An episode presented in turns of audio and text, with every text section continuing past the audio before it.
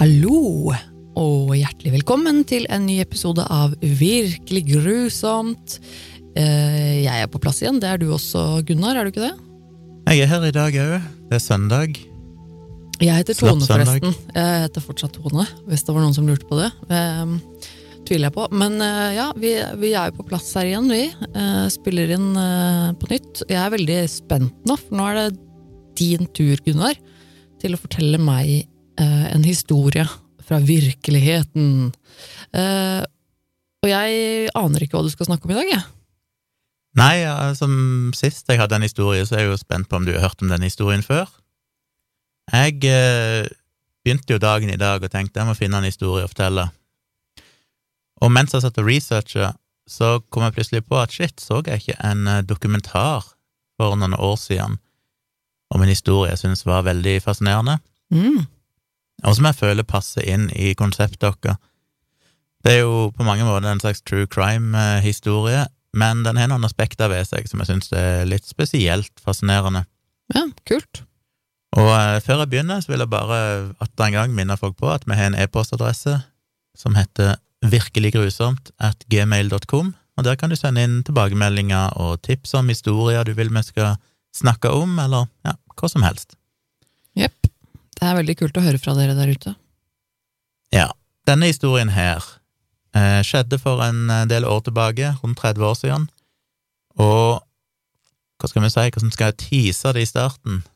Vet ikke, du må ikke det. Du kan, det, er lov, det er lov å bare fortelle det helt kronologisk hvis du syns det er lettere.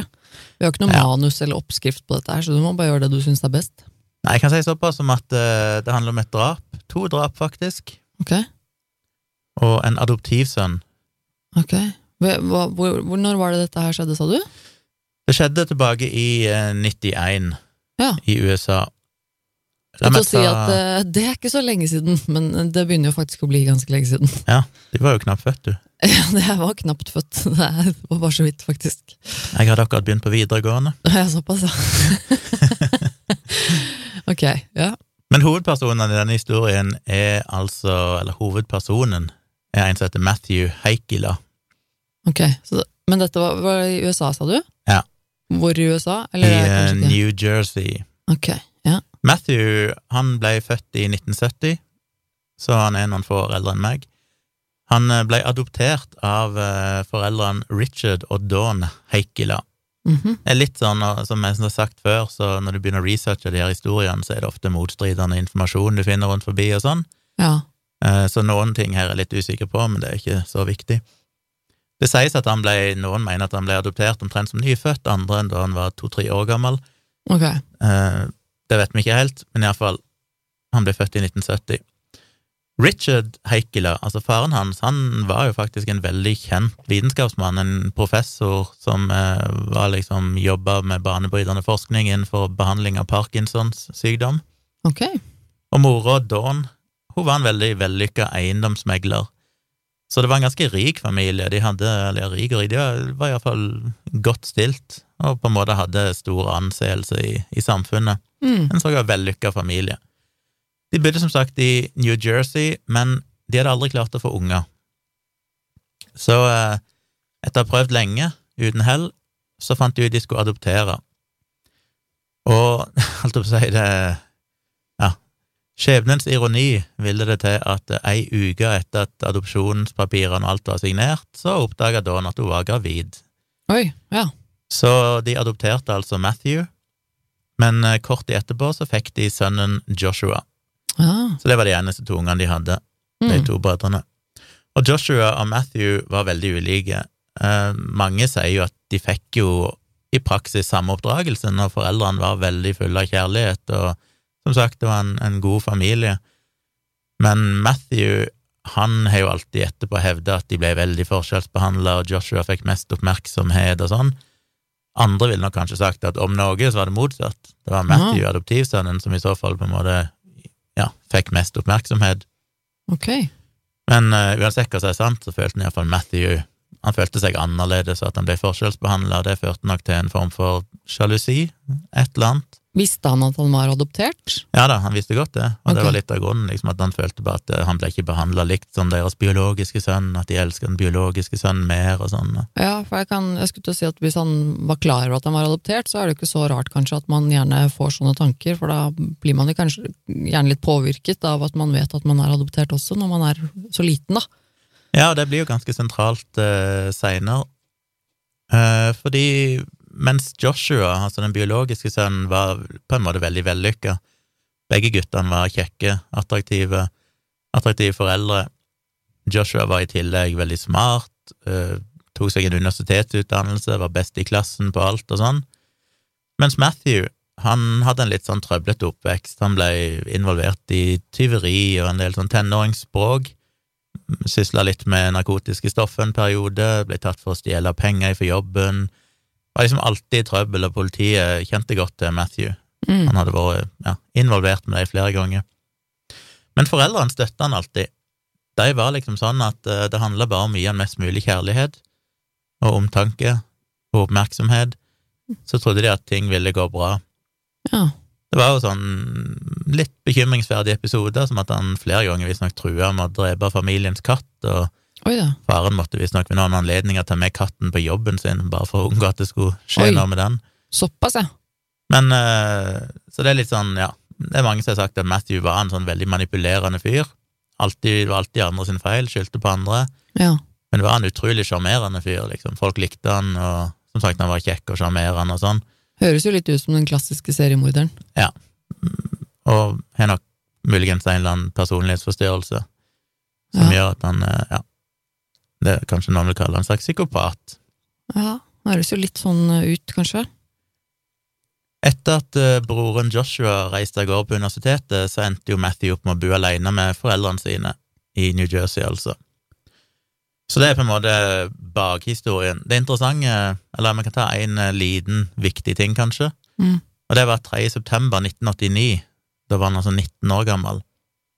Så, og det, her, er, her er det lite detaljer å finne, men sånn jeg skjønner det, så fant han et brev som, eh, eller svaret på et brev, eller noe sånt, som, eh, nei, det var vel brevet han fant, som foreldrene hadde sendt til broren hans som gikk på universitetet.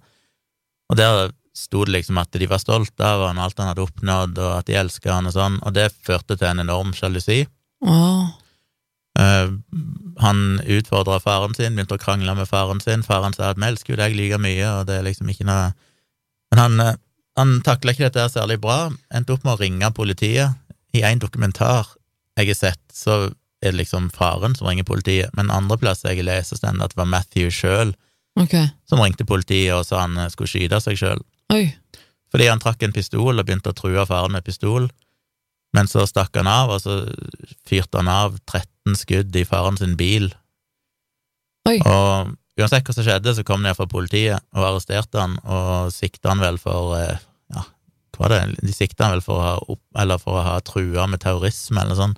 Jeg vet ikke hvordan de definerer terrorisme i den sammenhengen, men iallfall for å ha hatt våpen ulovlig og sånne ting. Mm. Så han ble jo tatt av politiet og satt inne en liten periode. Eh, I juli 1990 så fikk eh, aktor Nicholas Bizell en psykiater til å utrede Matthew.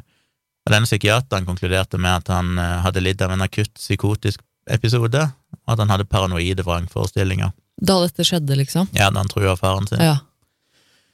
Og eh, igjen, litt uklart hva som er foregått her. Det må ha vært en eller annen rettsprosess. Jeg vet i hvert fall at på et eller annet tidspunkt så skulle jo foreldrene stille foran juryen og på en måte sikkert vitne en eller annen sammenheng, men de hadde bare da reist på to ukers ferie, for de nekta å samarbeide med Foreldrene politiet. hadde bare reist på ferie? Ja. Oi, ok. Og de mente at eh, det var ikke noe eh, galt, og de ville at han skulle slippe fri. Eh, ville tydeligvis ikke vitne om at han hadde trua faren og sånne ting, som Å ja, kunne virke ja. imot han, og Så de, de gjorde det kanskje med en baktanke om at det var det lureste for å hjelpe saken hans, da? Ja, de var veldig lite samarbeidsvilje med tanke på å få han dømt til noen ting, selv om det kom jo fram etter hvert at politiet og denne psykiateren var veldig, veldig usikre, følte at han var farlig. Ja. Og så vidt jeg skjønte, så hadde vel assisterende aktor eller noe sånt, hun uttalte jo blant annet at hun var helt sikker på at han en dag kom til å drepe noen, for han var helt åpenbart uh, ustabil og farlig. Så han ble iallfall frikjent i august, året etter denne episoden, så han satt jo inne i nesten et år, så vidt jeg har skjønt. Han ble frikjent på grunnlag av å ikke være tilregnelig, altså på grunn av mentale Ja. problemer og sånne ting. Så han satt inne en stund i fengsel likevel, Ja, Om det var liksom i en slags varetekt, eller mens de venta på en form for rettssak, eller det er jeg litt usikker på. Ja. Dommeren ville jo egentlig at han skulle fengsles, men altså foreldrene insisterte på at nei, nei, dere må frikjenne han, og så skal vi passe på å, å finne hjelp til han, og få psykiater og psykologhjelp her på utsida. ja. Og det skjedde, han ble som sagt frikjent, men det er visst ingenting som tyder på at de egentlig fant hjelp til han, selv om det er jo litt sånn sprikende informasjon. Eh, Men ettersom han tross alt på det tidspunktet vel var blitt 20 år, så kunne de heller ikke tvinge han til noe behandling, for han var jo myndig. Og... ja. Men så kom jo det mest interessante. Da er vi i januar, slutten av januar, jeg tror det var 29. januar 1991. Um, På det tidspunktet så hadde Matthew data ei jente som vel òg tror jeg var 19 år gammel på det tidspunktet. Okay.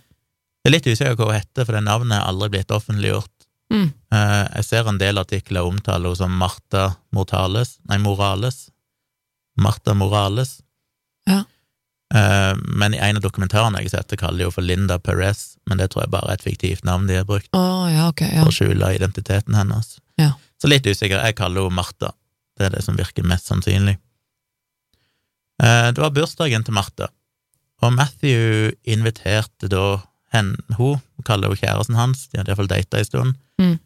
og eh, ja, inviterte henne på en sånn dyr og fancy bursdagsmiddag i New York. Jeg lurer om det var i World Trade Center, faktisk.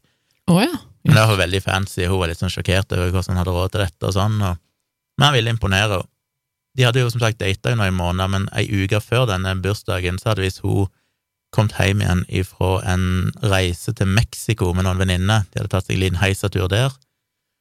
Og da hun kom hjem igjen, så beskyldte jo Matthew henne for å ha vært utro der nede. Ja, for la, jeg skulle til å si, eh, la meg gjette at han var sjalu for et eller annet. Veldig. Ja, og, han virker som han sliter veldig med de eh, følelsene sine, altså. Han er åpenbart veldig mye mindre verdighetskomplekser, sikkert på denne adoptivstatusen sin og sånn, og Ja. er veldig sjalu, veldig manipulerende. Hun var den første han hadde hatt sex med, Ja. og det passa jo han på å minne henne på hele tida. Han følte tydeligvis en veldig sånn stolthet over å ha den makta over henne, på en måte. Okay. Ok. Eh, hun var jo barn av innvandrer, innvandrerfamilie, så for henne så var det veldig stas å date han, for han var på en måte, det var liksom den amerikanske drømmen. Han var en rik og vellykka, ung, kjekk mann. Ja. Eh, og hun liksom var i utgangspunktet en litt mer fattig innvandrerbarn. Så dette var veldig stas. Men de spiste nå denne middagen, og han overøste henne med komplimenter hele kvelden og sånn, og de hadde hatt litt sånn trøblete forhold, men denne kvelden skulle liksom bli bra, da, og kanskje hans sin måte å, virkelig imponere henne. Ja. Da middagen var ferdig, så sa han at uh, hun måtte bli med han hjem. Han bodde jo altså med foreldrene sine alene, da. ja, for han bor fortsatt hjemme hos foreldrene sine. Ja. Fordi han hadde en bursdagsoverraskelse til henne. Ok. Så de gikk ut og satte seg i bilen og kjørte. Det er ca. 45 minutter å kjøre fra New York til der de bodde i New Jersey. De kom hjem ca. 11 på kvelden, og da de kom inn i huset, så sa han at eh, hun måtte holde for øynene sine, så skulle han vise henne en overraskelse. Okay. Så han leda henne opp på loftet, inn på et rom på loftet, tok vekk eh, hendene, og foran henne så lå mora hans død på gulvet What? skutt i hodet med avsaga hagle. Og hun frika jo selvfølgelig helt ut.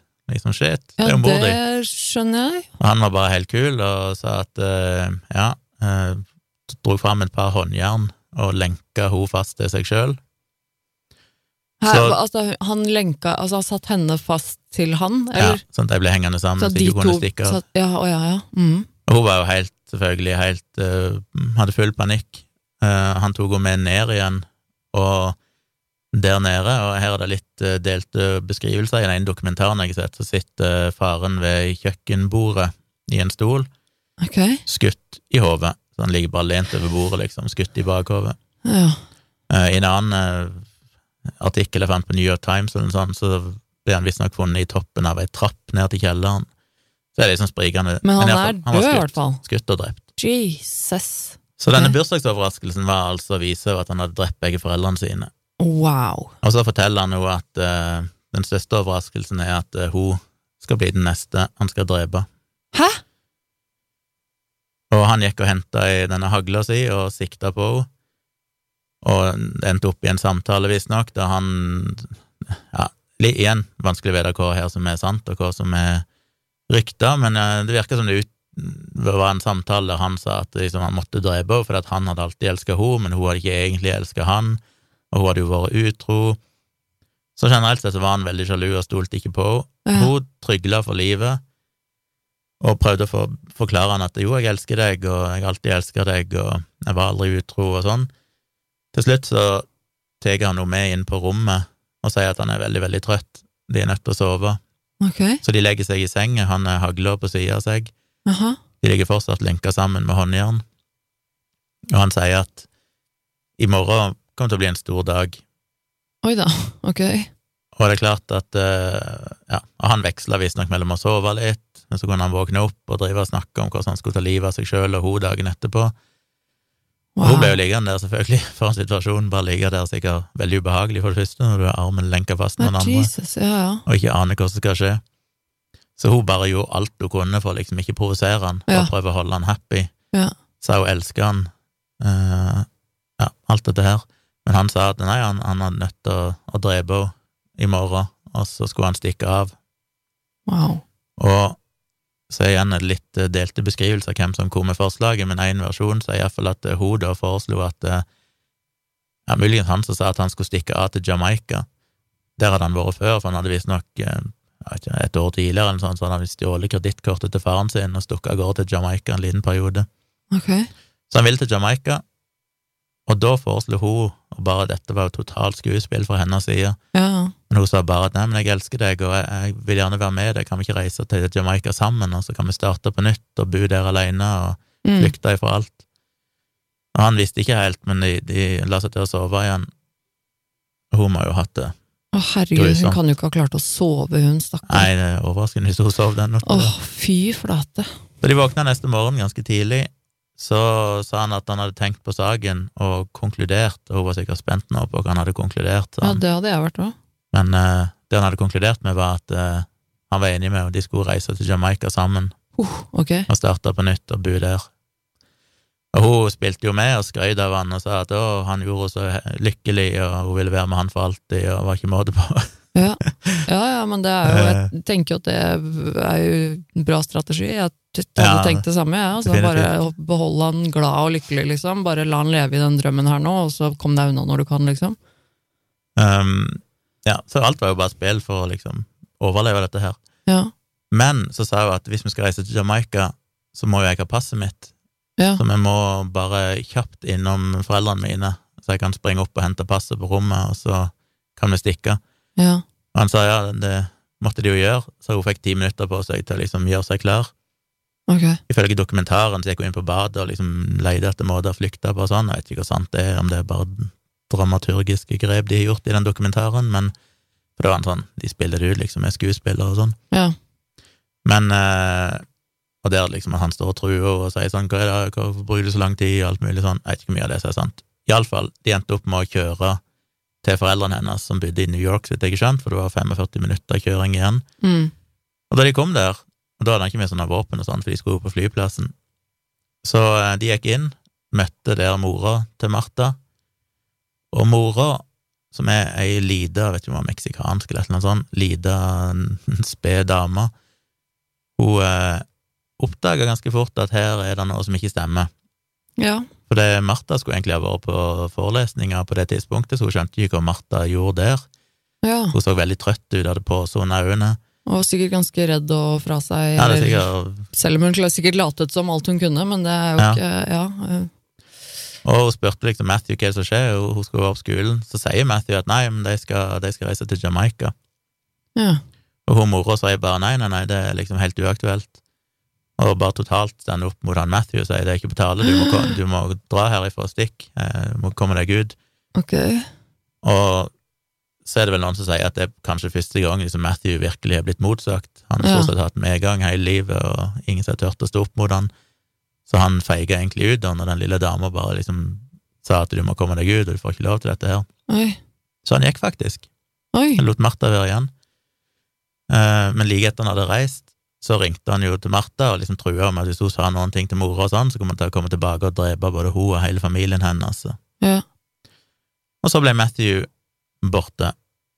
Okay. Eh, omtrent samtidig, eller litt seinere på dagen, så ble politiet oppringt av noen bekymra kollegaer til mora Dawn, fordi hun skulle egentlig ha møtt noen klienter til sikkert en visning av et hus eller noe sånt, og hadde ikke møtt opp. Så de var litt bekymra hvorfor ikke hun hadde møtt opp til denne avtalen, og, og ringte da politiet. Ja. Så politiet dro til huset til Dawn og Richard. Richard, hva det heter, faren, og fant de jo der da drept begge to. Ja. På gulvet så fant de to patronhylser. Dette var ei avsagt hagle han hadde brukt, så det er sånn store hylser. ja. Matthew var ikke der når de kom? Nei. Nei. På den ene så sto det skrevet mam.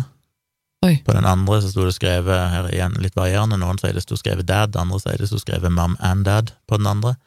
Å, Men hylsene var merka med navnet, liksom, eller med mom and dad, ja. uh, før de ble avfyrt. Som jo er relevant med tanke på rettssak seinere. Det overlater jo ikke så mye tvil til at dette var planlagt. ja, det, det virker jo ganske overlagt, ja. Og de mistenkte jo derfor selvfølgelig Matthew med en gang, siden det sto Mom and Dad på Mhm. hylsene, men de ante ikke hvor han var.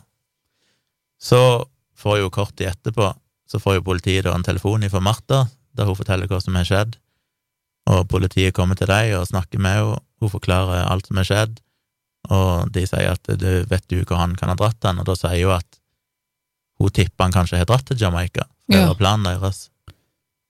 At han rett og slett bare dro uten henne, da. Ja. Mm. Dette er jo 1991, det er litt rart egentlig ikke at de Vet ikke om de har noe rart om de ikke har noen passasjerliste, at det går an å sjekke sånne ting, men det virker jo som at de ikke Hmm. Ja, det vet jeg ikke helt.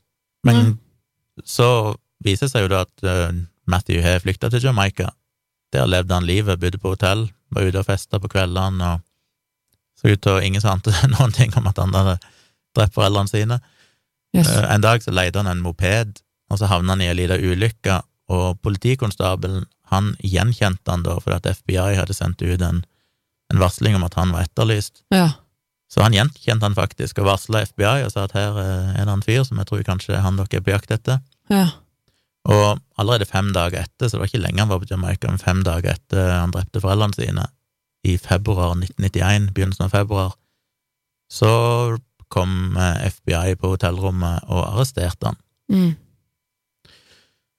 Eh, Så han endte jo opp i fengsel. Det tok 18 måneder før saken starta. Mens han satt i fengsel, så skrev han jo en del brev.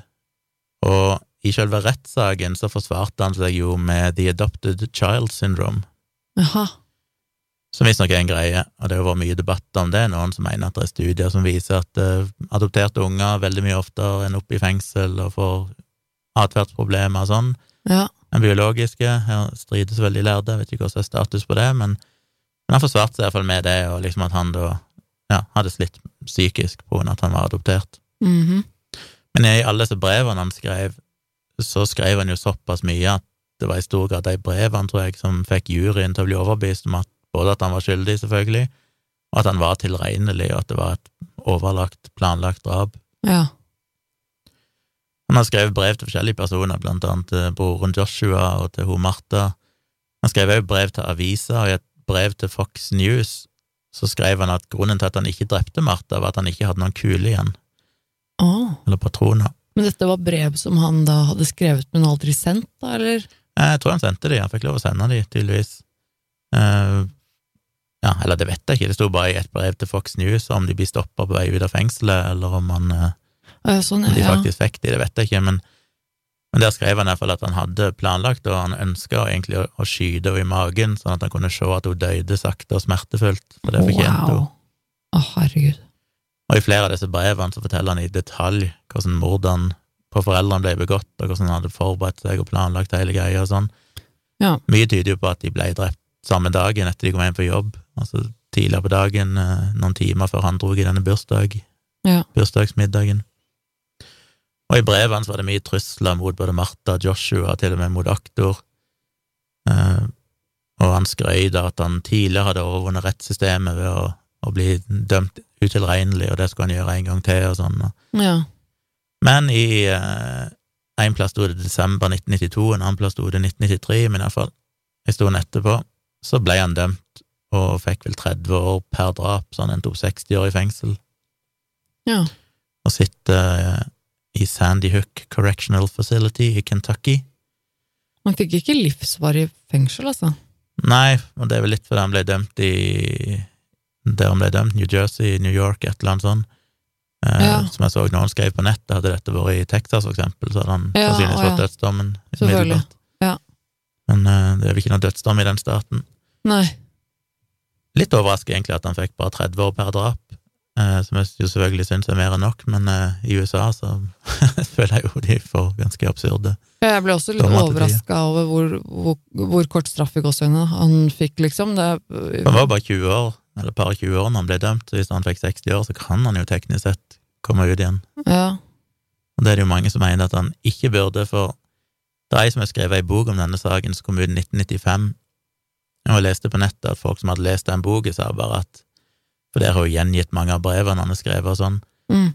og når du leser boka, så er bare alle helt sier at han er jo helt psycho og en åpenbar sadist, og han må aldri slippe ut av fengselet. Det er jo folk som mener at han er jo Ja, det virker ikke som at han eh, er en trygg person der ute.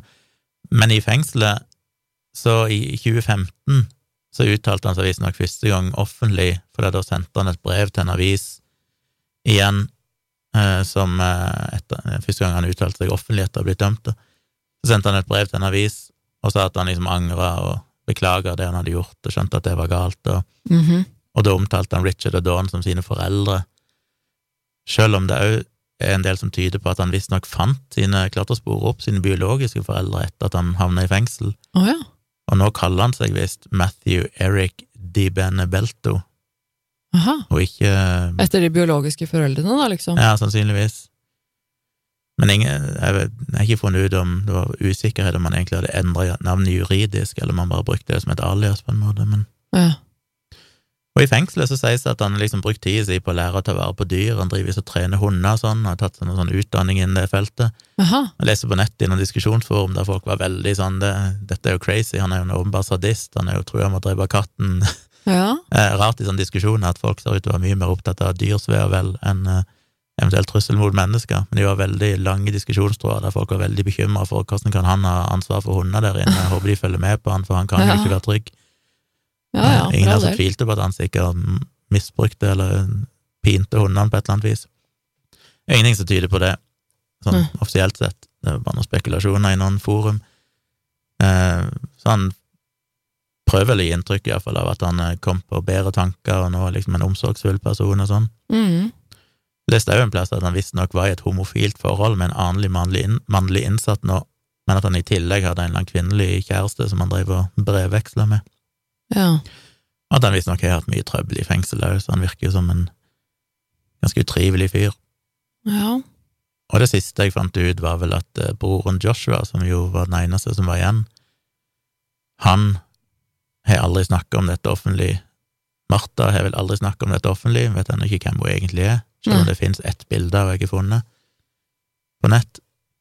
Eh, Men han endte opp med å reise til Afrika og jobbe som misjonær, Å ja. og på en måte flykte hele, fra hele greia og bare prøve å komme seg unna all Han, historikken. han snudde seg til Gud, han, rett og slett.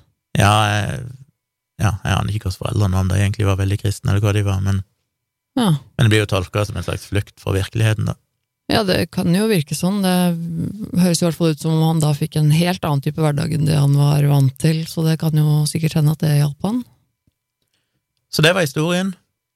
Jeg syns den er grusom mest på grunn av det som skjedde med hun stakkars eh, kjæresten, Martha. Ja. Blir trua på livet, blir tvunget til å sove sammen med han. Og jeg syns det er nesten som tatt ut av manuset på en film, det at hun klarer liksom å overbevise han om at de skal flykte sammen, og han faktisk kjøper den løgnen, Ja, det er bra jobba, ass. og klarer å lure han til å liksom Lure, lure. Hvis de skulle reise, så måtte hun jo hjem og hente passet Mm. sitt.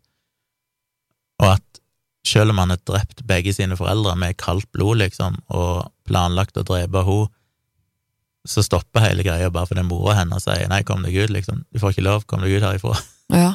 Som er sånn Hva i verden det er vanskelig å tenke seg hvorfor ikke han bare henta et våpen og gikk og drepte de. Men han ble sikkert litt satt ut, da, som du sa, at eh, han var kanskje ikke vant til å få, bli motsagt og få sånne beskjeder, og, da, da, og hvis det på en måte var helt utafor det han regna med å, å, å, møte, liksom, så, så, plutselig så kanskje han ble litt satt ut, da, og liksom mista ja. litt uh, fotfeste, holdt jeg på å si, og, og, skjønte ikke helt hva han skulle gjøre, så da bare Nei vel, ok, da får jeg vel stikke av, da. ja. ja. det er vanskelig å si. Uh, og det igjen så er det som med sånne drapshandlinger, så er det av og til blir jeg så overraska over hvor naive de er den der ideen om at ja, men jeg kan bare stikke til Jamaica. Ja. Altså, han, han, må vel ha skjønt at dette er jo eh, begrensa frihet, her kommer du til å bli tatt før eller seinere. Ja. Men det er mulig at det er sånn overdreven egofølelse. Ja, det er det. At de bare tenker at nei, men jeg har overvunnet systemet, jeg har lurt politiet, og så bare tenker jeg dette går greit. Ja, i hvert fall siden han har en, eh, blitt eh, ja, hva skal jeg si, frikjent, eller hva det var, da, på grunnlag av av eh, sykene hans tidligere, at han var utilregnelig, så tenker han kanskje at, at, han slipper unna. At det er liksom hans greie. At nei, nei, det er ingen som tror at jeg er, er, er ond nok til å gjøre dette uansett, og, og, sånn. Og så er det jo ofte gjerne liksom sånn Altså, jeg tenker jo at han må jo ha vært han må ha vært syk. Det er jo tydelig at han sleit veldig med både følelsene sine og sin oppfatning av verden og virkeligheten og seg selv. Og mm. For meg så må det jo vært tydelig at han har et eller annet At han er syk, da. At han lider av et eller annet. Og jeg tenker at da er det jo heller ikke så rart å måte tenke at øh, hvis han har en del grad av narsissisme, for eksempel, som ikke er så uvanlig blant sånne type mennesker, så Uh, har man jo gjerne en tro på at man er større enn loven og større enn andre og smartere enn andre, og at man gjerne kommer seg unna med ting. og at det, Men det klarer jeg, jeg klarer å gjemme meg, jeg, og jeg er, smart, jeg er smartere enn dem. og det, den, den, holdningen der, på en måte.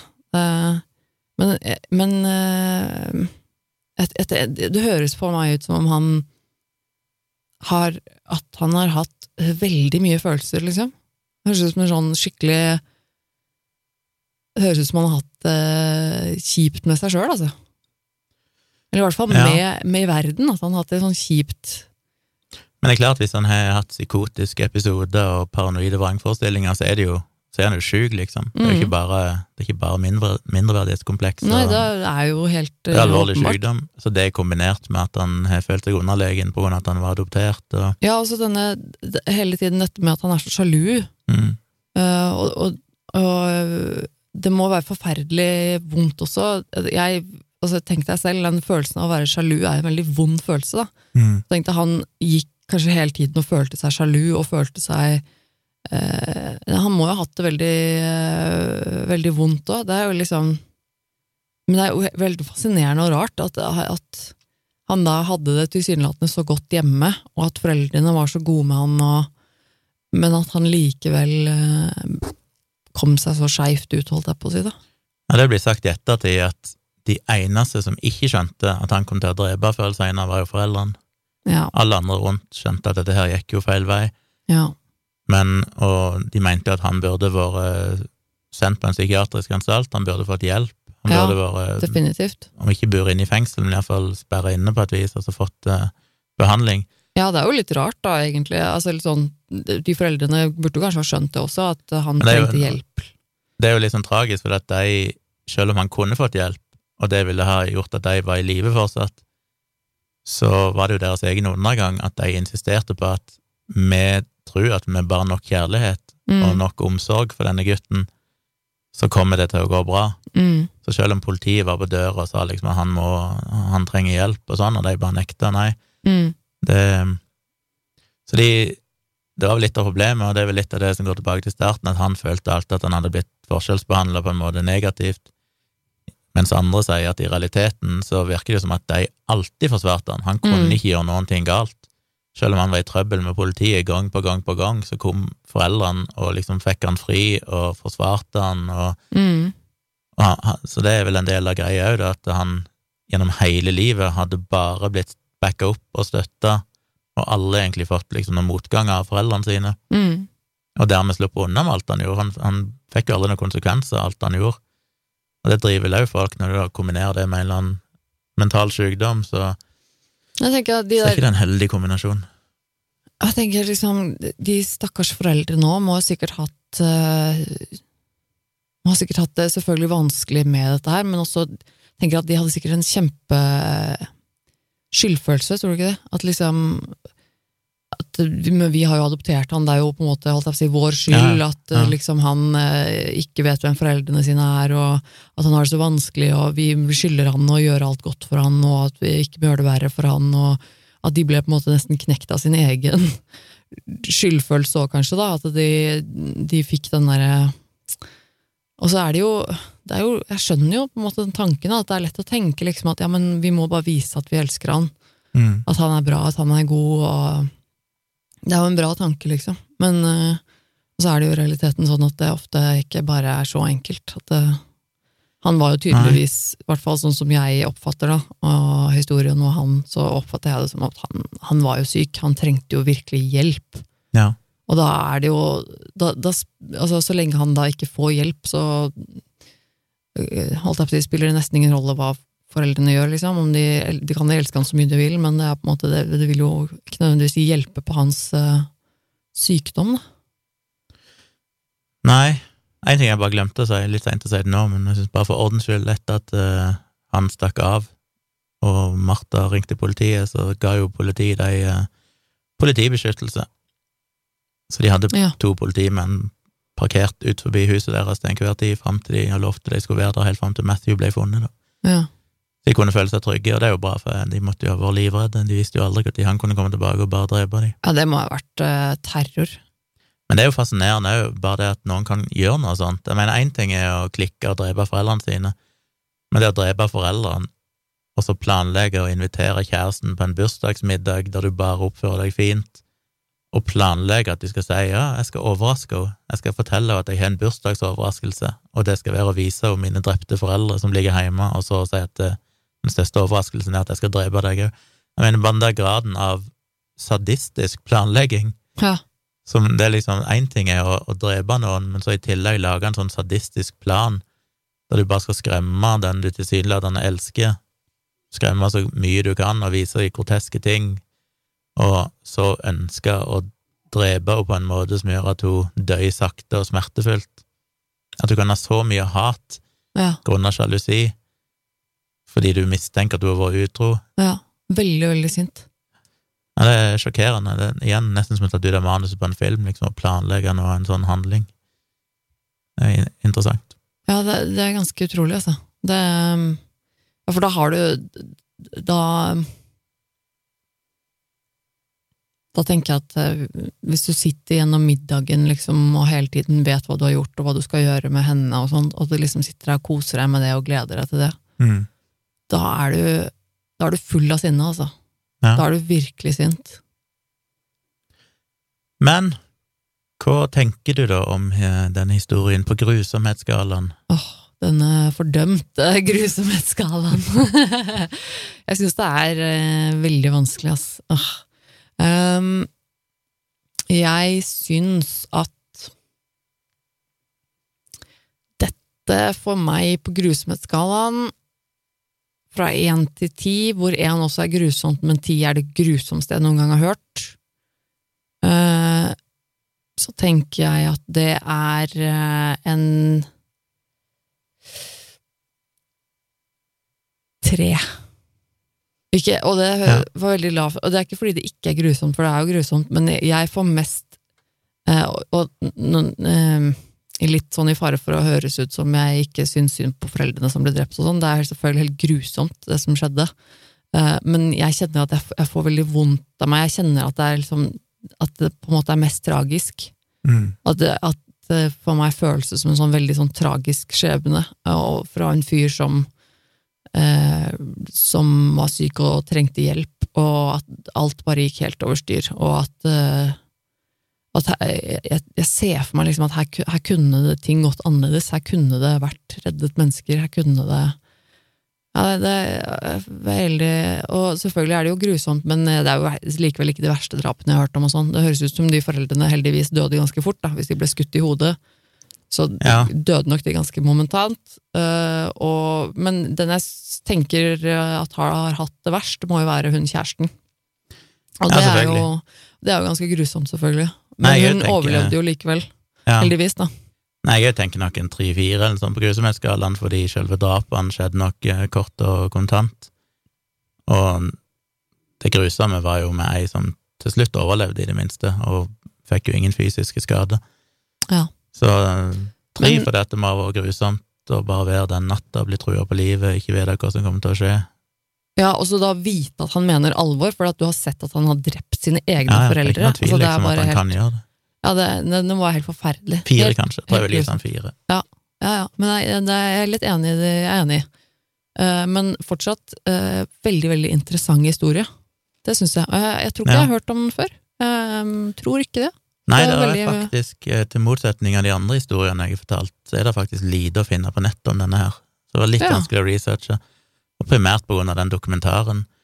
Og fordi navnet hennes er tilbakeholdt og sånn, så er det litt vanskelig å finne. Du kan google navnet hans, men det er sjokkerende lite informasjon, det er nesten ingenting. Nei. Det er en del avisartikler som bare omtaler liksom dommen, når Ja. den skjedde, fra den tid det skjedde.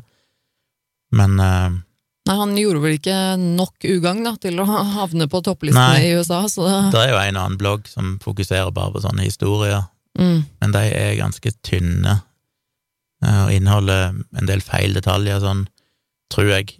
Men det er vanskelig å vite, som sagt. Den mest rikholdige er jo denne dokumentaren som er en episode, episode fem i sesong én av en serie som heter Your Worst Nightmare.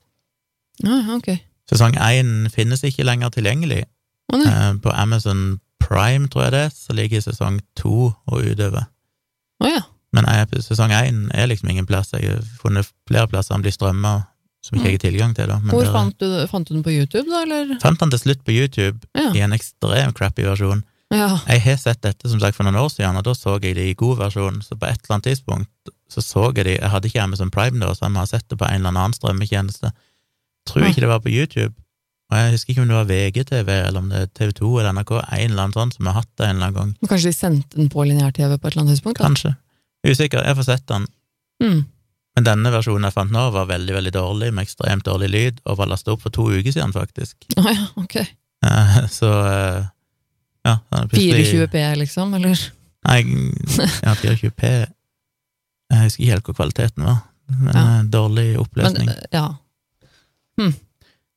Nei, så ja. Den går det an å sjekke ut. Jeg vet ikke om jeg gidder å lenke til den, for den er så dårlig kvalitet. Men dere kan google og se om dere finner en bedre versjon. Jeg legger iallfall noen lenker i shownotes med lenke til litt tekst om saken. ja. Og den der serien uh, fikk jeg veldig lyst til å se nå, merka jeg. Ja, den bør vi absolutt se. Ja, det Den er jo veldig amerikansk, veldig sånn reenactment. Ja, det, er ja. alltid, og en, det er mye sånn uh, gjort for showet sin skyld, som du ikke alltid vet hvor presist. Ja. Men jeg husker jeg så en annen episode òg der, som jeg kanskje vil ta neste gang. Ja. Som eh, òg jeg tror jeg for sesong én, som er en helt uh, sjokkerende, fascinerende, grusom historie. Oi. Som jeg plutselig kom på at den vil jeg snakke litt om, tror jeg, en eller annen gang. Ja. Kanskje Kult. neste gang. Så ikke gå og se hele serien, folkens. Det er jo... Men ja. Da var vi ferdige. Ja, jeg syns det var veldig Det var en, det var en eh, Og så må ikke folk misforstå, for selv om det, historien eventuelt havner langt eh, ned på en grusomhetsskala, så betyr ikke det at det ikke er en interessant historie. Jeg syns det var en veldig interessant historie. Og jeg syns Ja. det er veldig kult å høre om sånne saker som man eh, ikke, ikke har hørt om før. Jeg, det var, jeg koste meg. Det var gøy. Så da vil jeg bare minne på igjen, vi har en e-postadresse, virkeliggrusomt.gmail.com. Mail dere gjerne. Husk å stikke inn på Vi har fått noen eh, hyggelige kommentarer og sånn på iTunes. Ja, Så bra. Det er hyggelig. Setter hyggelig. pris på. Det setter vi veldig pris på, så gå gjerne inn der og skriv, og gi oss fem stjerner hvis dere kan det. Og igjen, selvfølgelig, ja. Og igjen, eh, gjerne send oss en mail på virkeliggrusomt.gmail.com med gjerne tilbakemeldinger og sånn, men også hvis du har tips til fortellinger og, og diverse. Det er veldig kult å høre fra dere der ute. Og vi har jo fått noen tips allerede, vi har lest de, kanskje vi kommer til å bruke de. Eh, Og hvis dere har tilleggsinformasjon til de historiene vi har fortalt, så vil vi gjerne høre det òg, så kan vi eventuelt nevne det i en fremtidig episode, så dere kjenner noen detaljer som ikke vi snakker om. Eller hvis vi sier noe feil og sånn, det hender Ja. jo det òg. Sikkert. Så Så takk for hyggelige kommentarer. Skriv gjerne flere. Husk å dele dette her med andre. Tips gjerne andre om denne podkasten. Ja, Fortell noen uh, true crime-fans der ute som liker sånne type greier, uh, om podkasten vår. Vi er en ny podkast, vi er ikke så store ennå. Uh, vi trenger at folk snakker om podkasten vår. Gjør gjerne det. Det setter vi veldig pris på. Takk for at dere hørte på. Så er vi tilbake igjen om ei uke. Ha det bra.